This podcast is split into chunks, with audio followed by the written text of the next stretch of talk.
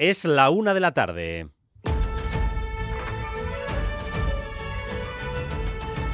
Crónica de Euskadi con Dani Álvarez. A Ratzaldeón, la legislatura vasca encara su recta final con varios puntos clave pendientes que se van a resolver en los próximos 10 días. Punto número uno, la ley de educación, cuya votación definitiva se acerca. El segundo punto son las transferencias pendientes. Anoche en Gambara, aquí en Radio Euskadi, la consejera Olatze Garamendi confirmó que el día 19 habrá reunión con el Gobierno de España para desbloquearlas. Y tercer punto, la aprobación de los presupuestos, que es inminente después de que hoy se superen las enmiendas a la totalidad. Ainhoa Iglesia. Hoy se debaten las cinco enmiendas a la totalidad al proyecto de presupuestos. Son todos los grupos, salvo los que conforman el Gobierno. Considera la oposición que son presupuestos insuficientes, poco ambiciosos y continuistas. Hablaban también de legislatura agotada y de un Gobierno en funciones. Lo hacía Euskal Herria Bildu. Cinco enmiendas a la totalidad que serán rechazadas por PNV y PSE y, por tanto, los presupuestos seguirán su camino hacia su aprobación definitiva el 22 de diciembre. La legislatura enfila su recta final mientras en Madrid todo echa. Las pensiones no contributivas registrarán una subida importante a partir de enero y especialmente las de viudedad con cargas familiares un 14%. Rodrigo Manero. Sí, las viudas con hijos a su cargo, la mayoría son mujeres, cobrarán el año que viene un 14% más, una subida que casi cuadruplica la general del 3,8 que se aplicará a todas las pensiones. Su prestación subirá así 127 euros al mes, hasta los 1.033. También aumentarán de por encima de la media las mínimas y las no contributivas, entre un 5 y un 7%. En general, 2 millones de pensionistas se beneficiarán de esta medida que pretende ir reduciendo la brecha de género y los índices de pobreza entre estos colectivos. El gobierno de Pedro Sánchez, por tanto, empieza a tomar decisiones y el Parlamento comienza a legislar, con la derecha convocando manifestaciones y la extrema derecha deseando colgar al presidente, hoy en el Congreso, primer asalto para la ley de amnistía. Madrid, Cisaro Baza. Sí, ese primer asalto es la aprobación de la toma en consideración de la ley. El debate arranca en apenas dos horas. A las 3 de la tarde se posicionarán a favor de la medida de gracia el bloque de investidura, salvo Coalición Canaria, y enfrente estarán PP, Vox y UPN. Se espera que el debate sea bronco. Los populares, además, han pedido que la votación sea a voz alzada para retratar, dicen, a los 178 diputados que votarán a favor de esta ley. El PP hoy, por enésima vez, ha tildado el texto con una cascada de calificativos inconstitucional, ilegal, pago al independiente independentismo o disparate político.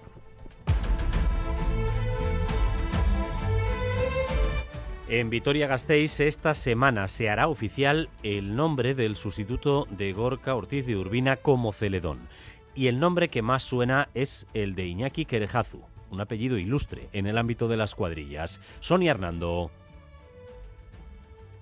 es el principal nombre que está encima de la mesa, aunque el proceso no se cierra hasta el jueves, cuando lo vote la comisión de blusas. Kerejazu es joven, tiene 28 años, es profesor, lleva toda su vida vinculada vinculado a las cuadrillas de blusas, él pertenece a la de Gotarrak y fue Celedón Chiqui en 2004. Su padre, Javier, es un histórico de las cuadrillas. Si todo va como está previsto, Iñaki Kerejazu sustituirá a Gorka Ortiz de Urbina después de haber estado estos últimos años formando parte de la comitiva de acompañantes de Celedón el día del chupinazo. Decididas las cuotas de pesca en Europa para el próximo año, subida en general de las especies con las que trabaja nuestra flota. Bruselas, Amaya, Portugal, Arrachaldeón la estrella, la merluza sur, con una subida de casi el 10% de cuota para la flota de Vizcaya y Guipúzcoa, subida del 11,4% para el gallo y del 7,2% para el rape también. Serían las cifras más destacadas. La mala noticia que, como se esperaba, se mantiene el veto a la pesca de la angula y la anguila.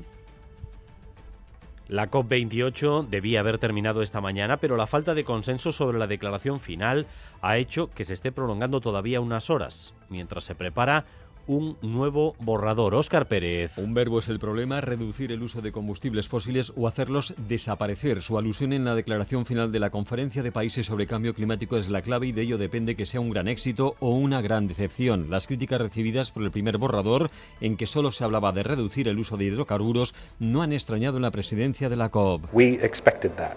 In fact, Las esperábamos, de hecho queríamos que el texto impulsara las conversaciones y lo hemos conseguido. Ahora tratamos de buscar el equilibrio entre las líneas rojas de los países, ha explicado el director general de la COP28. La Unión Europea y organizaciones ecologistas han exigido una mayor ambición en el documento de cierre de la cumbre. Dos días para la gran cita solidaria del año para EITB Maratoya con el objetivo de recaudar todo lo posible para investigar las múltiples caras del cáncer. Hoy, los que han cantado la canción de este año, bueno, cantado, han sido los parlamentarios.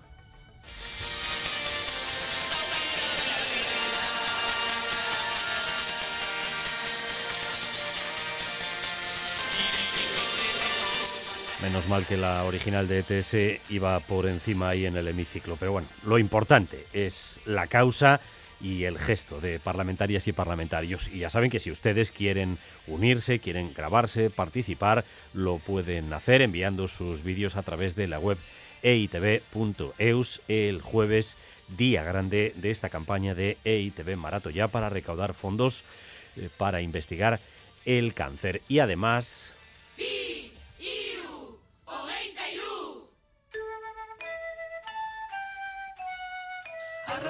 korrika, arro herri korrika, arro herri korrika.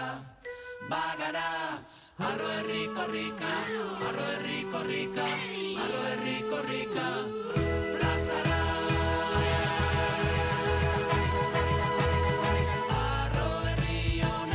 La edición número 23 de Corrica ya tiene canciones. Esta que escuchan Amaya Stoviza le ha puesto letra al tema Arro Herri de esta edición y la música la ha creado Mursego. Korrika egiteko ez dago modu bakar bat, ez dago kanta bakar bat. Eta agian horregatik onartu diogu kantuari, seiz edo zazpi zati ezberdin izatea, eta atea zabaldu diegu azelerandoei, disonantziei, kaos modukoei, keinuei. Eta hainbat kantariren artean abestuta egon arren, apenas inorrez nabarmentzeari. Arro Herri es el lema de este año para Corrica. Empieza en Irún el 14 de marzo, llegará a Bayona el 24 de ese mismo mes y esta será la melodía que sonará de manera permanente durante esos 10 días. Y vamos también con lo más destacado del deporte, hoy con otra cita muy importante para nuestro fútbol. César Pérez Gazola, Zarrachaldeón. Gracias, Dani. Pues sí, cita fundamental para la Real que va a buscar esta noche Milán y ante el Inter el punto que le falta para pasar a los octavos de la Champions como primera de grupo. Objetivo, hacer historia en San Siro con cerca de 3.000 seguidores y seguidoras de la Real en las gradas. Vuelven Oyarzábal y Norman, mientras que Igor Zubeldia será duda hasta última hora. En baloncesto, hoy dos citas de Liga CB para Basconia a las ocho y media y otra vez en Vitoria, en el Buesa. Los Ivanovic reciben al colista, al Palencia y de Europa para Vilo Vázquez. Los hombres de negro visitan al Oporto en cancha portuguesa. Van a buscar la octava victoria en ocho partidos este curso en la FIBA Europe Cup. Y también compite este martes Vidaso en Artaleco en Irún. Última jornada de la primera vuelta de la Liga Sobal de Balomano. Los de Cuétara se vienen al Cuenca buscando cerrar una primera mitad de liga casi perfecta. En el tráfico problemas en Legutio, sentido Bilbao, en la N240, porque dos camiones han tenido un accidente, los dos conductores han resultado heridos y a esta hora un carril permanece cortado. La Ertzaintza está regulando el tráfico y a la espera de la retirada de los camiones. Legutio, sentido Bilbao, N240.